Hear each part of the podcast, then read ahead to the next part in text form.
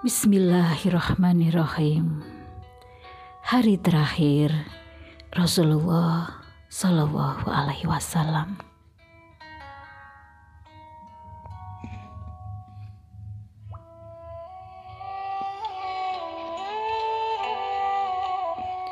Kaum muslimin sudah mulai berpencar dan melaksanakan kegiatan kesehariannya.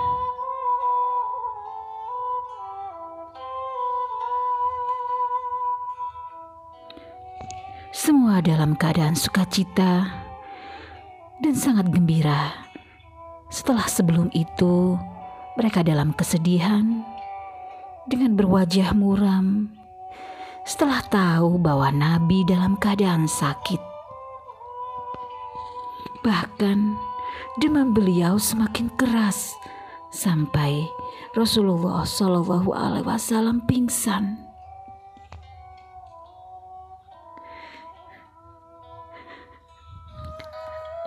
Rasulullah Shallallahu Alaihi Wasallam kembali ke rumah Bunda Aisyah. Beliau sangat senang melihat kaum muslimin sudah memenuhi masjid dengan penuh semangat beribadah. Namun, kini Rasulullah Shallallahu Alaihi Wasallam merasakan badannya lemah sekali. Bunda Aisyah memandang Rasulullah Shallallahu Alaihi Wasallam dengan penuh sayang. Biasanya hati Bunda Aisyah dipenuhi kekaguman akan kegagahan suaminya tercinta itu. Sekarang hati Bunda Aisyah dipenuhi rasa iba melihat suaminya itu dalam keadaan lemah dan sakit. Ingin rasanya Bunda Aisyah mencurahkan segala apa yang ada dalam dirinya untuk mengembalikan tenaga dan hidup suaminya. Namun, setelah kembali dari masjid, Rasulullah Shallallahu Alaihi Wasallam merasa bahwa setiap saat badan beliau menjadi bertambah lemah.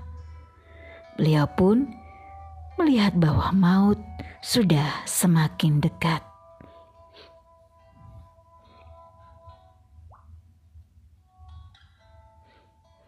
Beliau tidak sangsi lagi bahwa hidupnya di dunia tinggal beberapa saat lagi.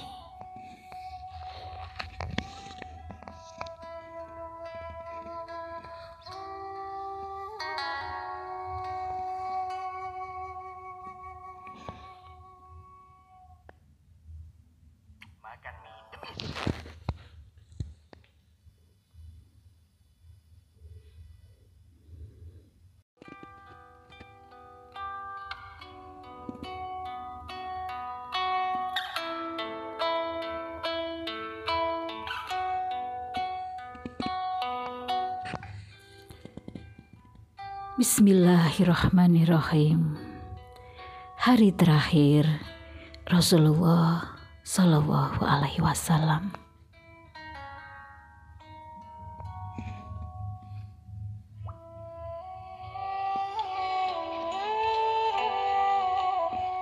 Kaum muslimin sudah mulai berpencar dan melaksanakan kegiatan kesehariannya.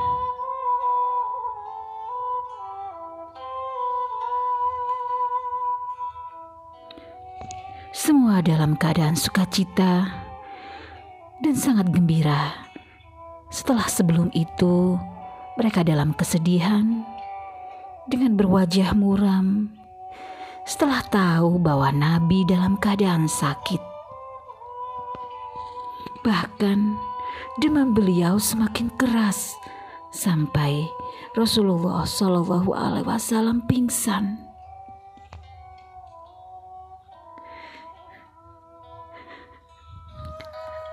Rasulullah Shallallahu Alaihi Wasallam kembali ke rumah Bunda Aisyah.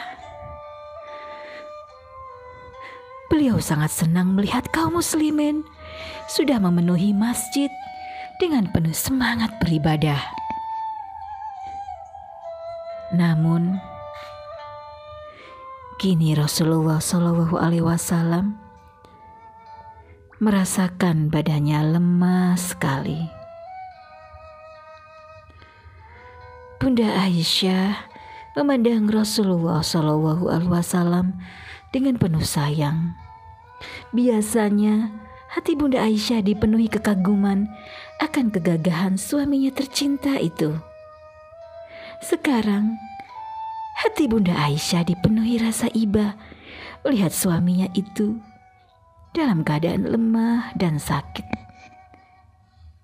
Ingin rasanya Bunda Aisyah mencurahkan segala apa yang ada dalam dirinya untuk mengembalikan tenaga dan hidup suaminya. Namun, setelah kembali dari masjid, Rasulullah Shallallahu Alaihi Wasallam merasa bahwa setiap saat badan beliau menjadi bertambah lemah. Beliau pun melihat bahwa maut sudah semakin dekat.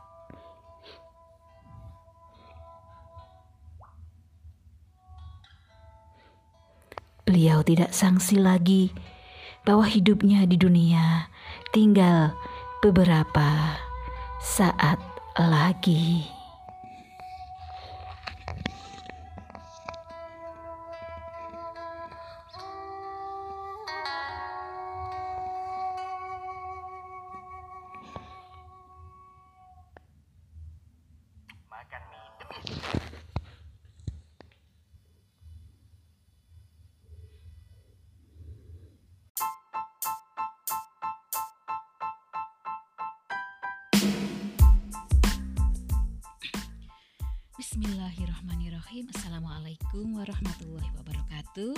Selamat pagi teman-teman uh, Kali ini saya ingin berbagi kisah Tentang salah satu sahabiah Rasulullah Sallallahu Alaihi Wasallam Siapakah dia?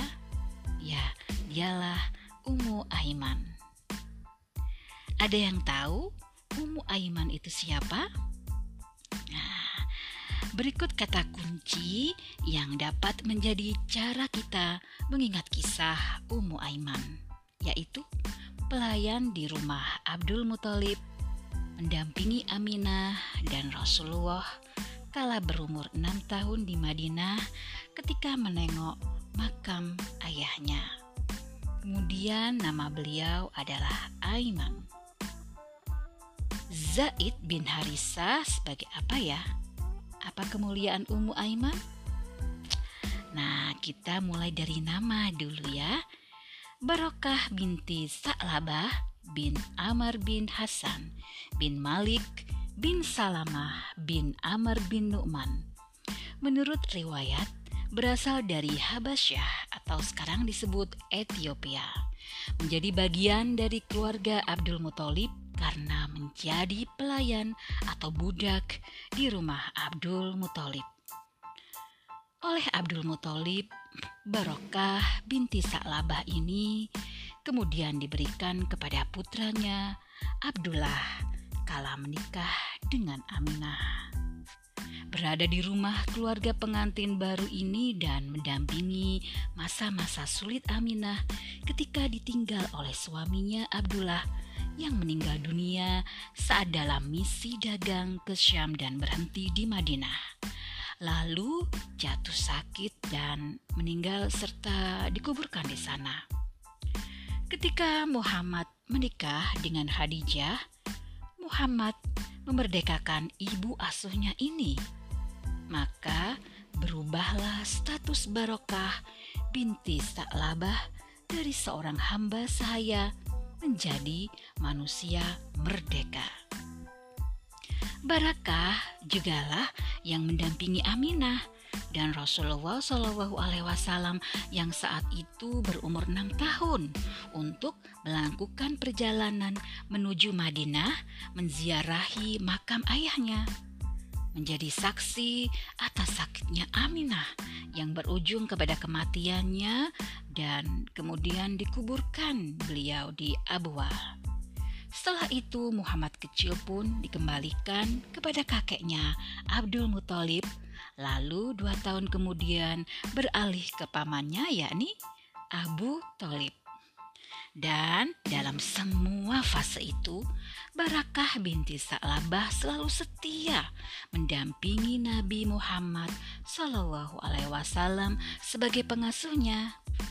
Nah, Aiman sendiri itu nantinya menjadi salah seorang pengikut Rasulullah Shallallahu Alaihi Wasallam yang ikut dalam peristiwa hijrah dan berbagai medan jihad lainnya hingga nantinya Aiman syahid di medan perang Hunain. Setelah dimerdekakan, Barakah binti Sa'labah menikah dengan Ubaid bin Haris al-Hazraji dan memiliki seorang putra bernama Aiman. Benar, dari sinilah namanya lebih dikenal dengan nama Umu Aiman.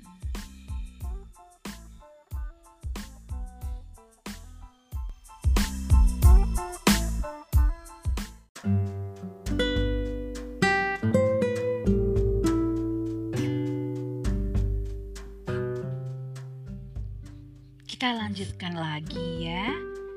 Sesaat Rasulullah Shallallahu Alaihi Wasallam mendapatkan wahyu dan menyampaikan dakwahnya, Ummu Aiman bersama putranya Aiman segera memenuhi seruannya dan berada di gerbong terdepan orang-orang yang membenarkan dakwah Islam.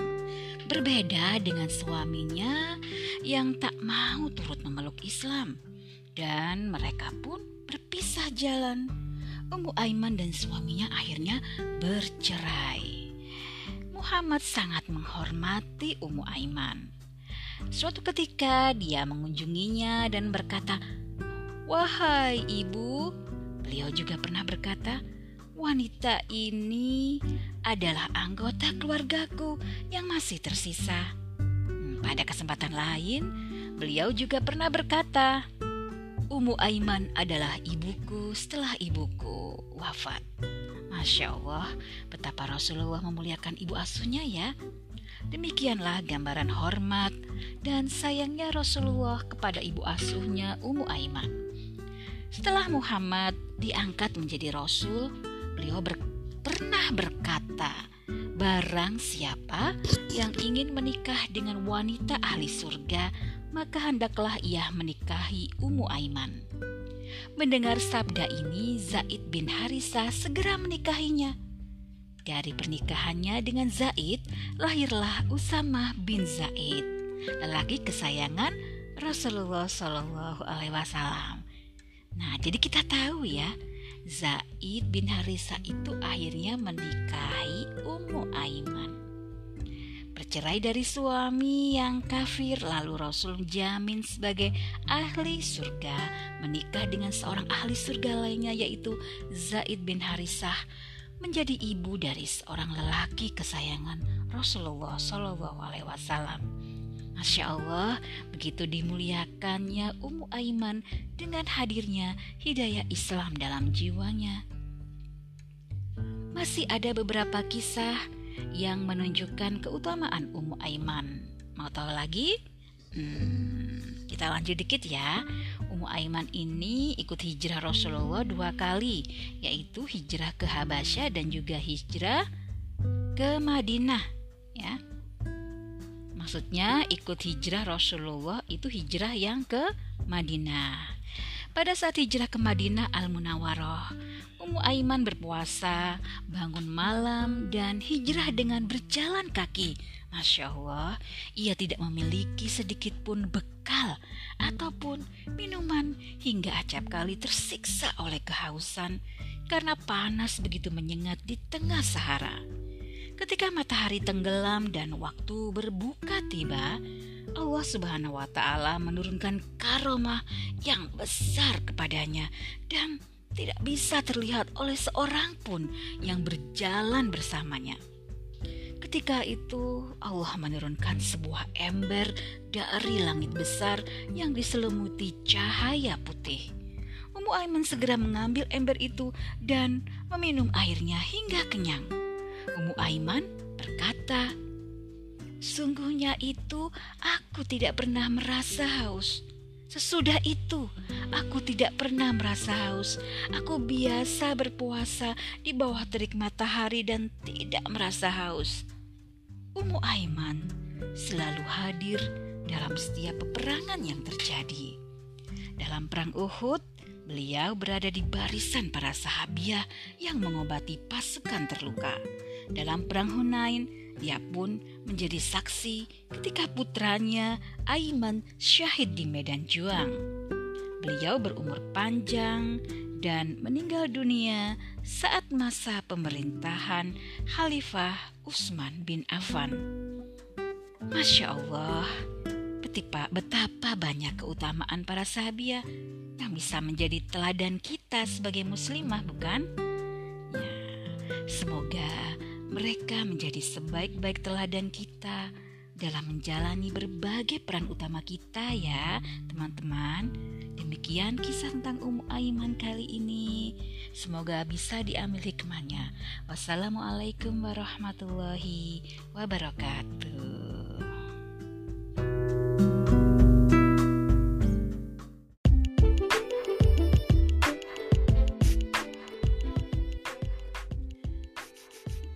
Ada kisah, ada sebuah kisah menarik tentang masa kecil Rasulullah di bawah pengasuhan keluarga Abu Talib. Atau kisahnya? Nah, Abu Talib dan keluarganya hidup serba kekurangan. Anak-anak mereka tidak pernah makan sampai kenyang. Namun, setelah Muhammad kecil tinggal bersama mereka, kondisi itu berubah, terutama saat makan dan Muhammad ikut makan bersama mereka. Makanan yang terlihat hanya sedikit, namun bisa membuat kenyang semua anggota keluarga. Masya Allah ya teman-teman. Jika mereka makan tanpa Nabi, mereka tidak merasa kenyang. Tapi ketika Nabi ikut makan bersama mereka, mereka sekeluarga bisa merasa kenyang. Sehingga ketika waktu makan tiba, Abu Talib melarang seluruh anggota keluarga makan sebelum Nabi memulainya. Jika mereka minum susu, maka Nabi dipersilahkan minum susu itu terlebih dahulu. Meskipun susu itu hanya satu gelas, cukup untuk mengenyangkan seluruh anggota keluarga. Hingga Abu Talib pun berkata kepada Nabi, Engkau anak yang diberkati. Fatimah binti As'ad telah menyaksikan keberkahan yang dihadirkan oleh keponakannya sejak awal.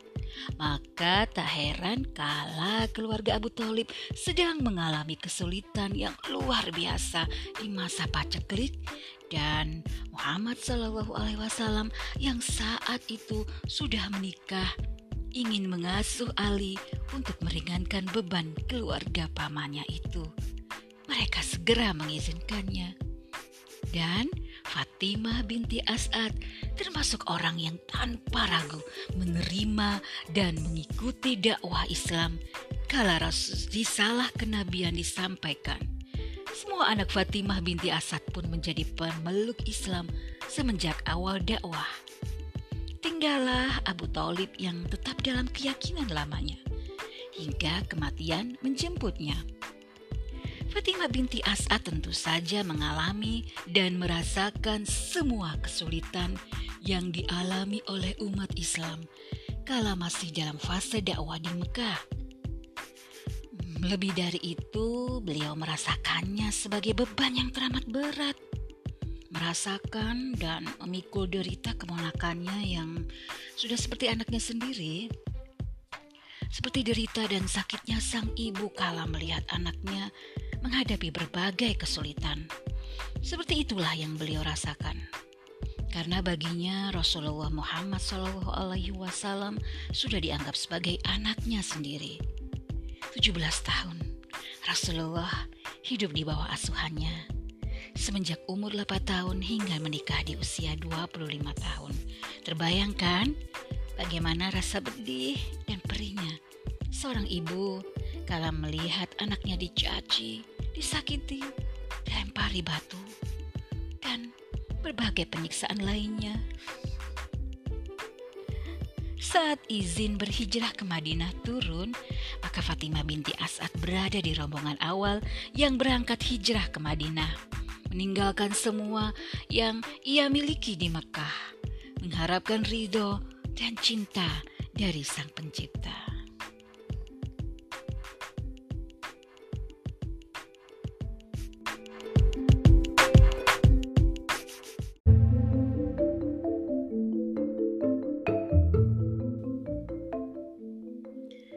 Nabi Muhammad Sallallahu Alaihi Wasallam sangat menyayanginya, layaknya seorang anak kepada ibunya. Beliau sering mengunjunginya dan memberinya hadiah. Perhatian beliau kepada Fatimah seperti perhatian Fatimah kepada beliau saat beliau kecil. Setelah Ali bin Abi Thalib menikah dengan Fatimah binti Rasulullah, Fatimah binti As'ad menjalankan tugas sebagai ibu kandung dan ibu mertua dengan baik. Beliau sangat menyayangi menantunya, bahkan sering datang untuk membantu dan menyelesaikan pekerjaan di rumah menantunya. Fatimah binti As'ad menjalani hidup di Madinah dalam naungan iman dan tauhid. Ia rajin beribadah, sholat, dan puasa, hingga akhirnya ia kembali kepada Sang Pencipta. Ketika Fatimah binti As'ad wafat, Nabi memberi penghormatan terakhir. Nabi duduk di samping jenazah beliau dan seraya mengajak berbincang dengan bibinya yang ia sebut dengan ibu. Semoga Allah merahmatimu, wahai ibuku Engkaulah ibuku setelah ibu kandungku. Ketika engkau lapar, justru engkau mengenyangkanku. Ketika engkau tak punya baju, engkau justru memberikanku baju. Ketika engkau menahan diri untuk tidak makan makanan yang enak, engkau justru memberikanku makanan. Engkau lapar, lakukan itu semua hanya semata karena Allah dan akhirat. Setelah itu Nabi Shallallahu Alaihi Wasallam memerintahkan keluarganya untuk memandikan Fatimah binti As'ad ini. Selain itu, Nabi juga melepas bajunya dan memberikan bajunya untuk dijadikan kain kafan. Setelah semuanya selesai, Nabi memerintahkan Usamah bin Zaid Abu Ayub Al-Ansori, Umar bin Khattab, dan Aswad untuk menguburkan jenazah bibinya itu. Sebelum memakamkan jenazah bibinya, Rasulullah Shallallahu Alaihi Wasallam berbaring di liang lahat dan berdoa di dalam. Allah yang menghidupkan dan mematikan hambanya.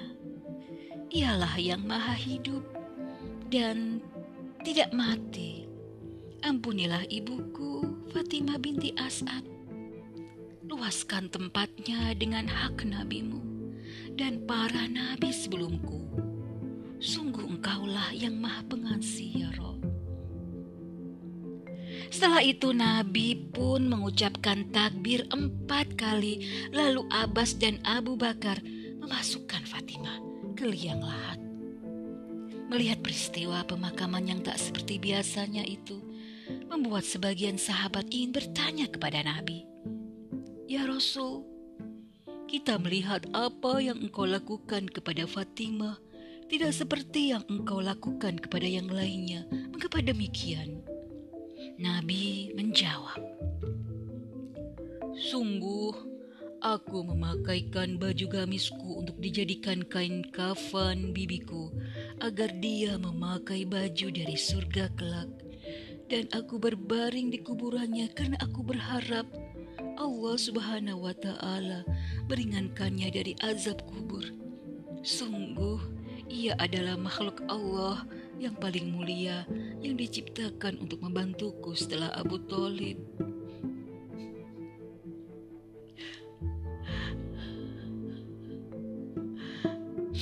Jujur, saya menangis ketika membacakan ini.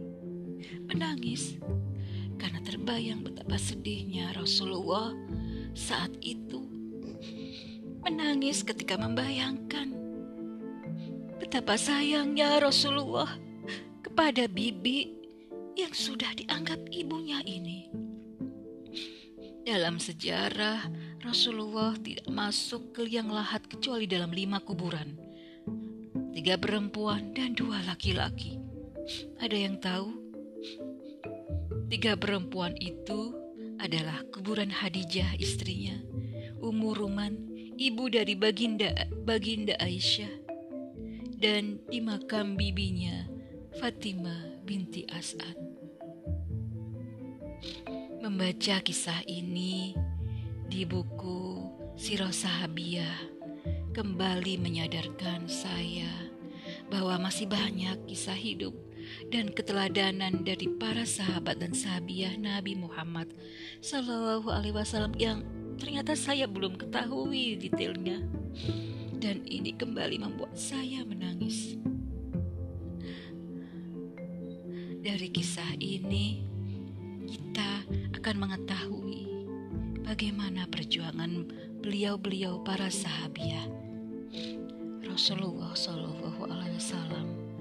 Semoga apa yang bisa saya sajikan kali ini bisa diambil hikmahnya dan bisa kita jadikan teladan dalam kehidupan kita sehari-hari. Assalamualaikum warahmatullahi wabarakatuh.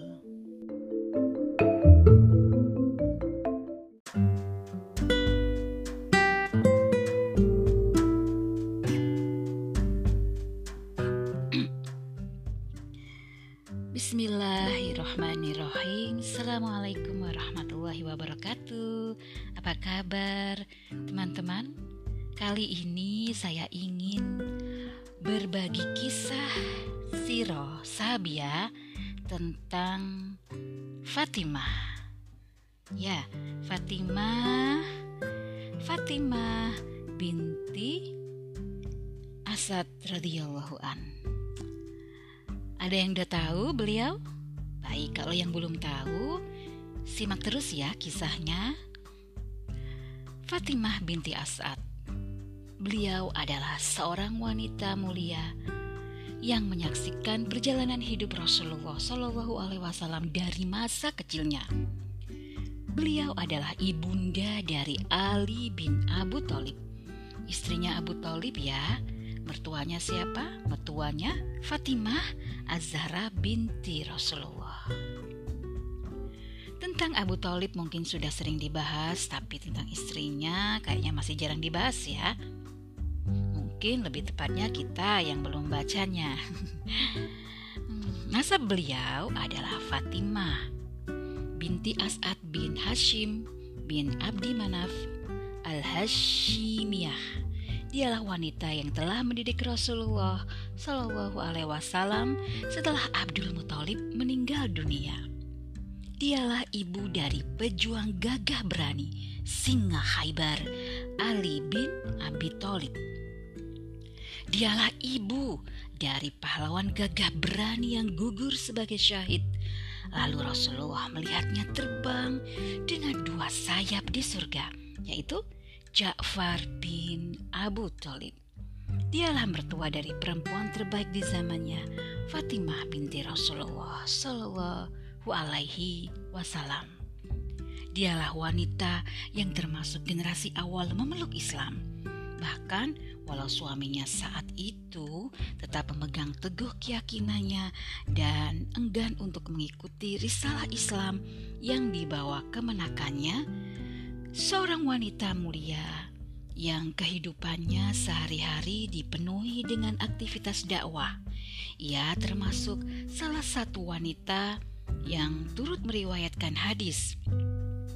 Ada 46 hadis telah ia riwayatkan.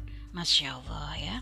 Sejenak kita renungkan ya, kemuliaan seperti apa yang disandang oleh wanita mulia ini? Dalam sebuah hadis disebutkan bahwa orang yang memelihara anak yatim akan masuk surga berdekatan dengan Rasulullah Shallallahu Alaihi Wasallam seperti dekatnya jari telunjuk dengan jari tengah. saya dan orang mengas orang yang mengasuh atau memelihara anak yatim akan berada di surga begini. Kemudian beliau mengisyaratkan dengan jari telunjuk dan jari tengah dan meregangkannya sedikit.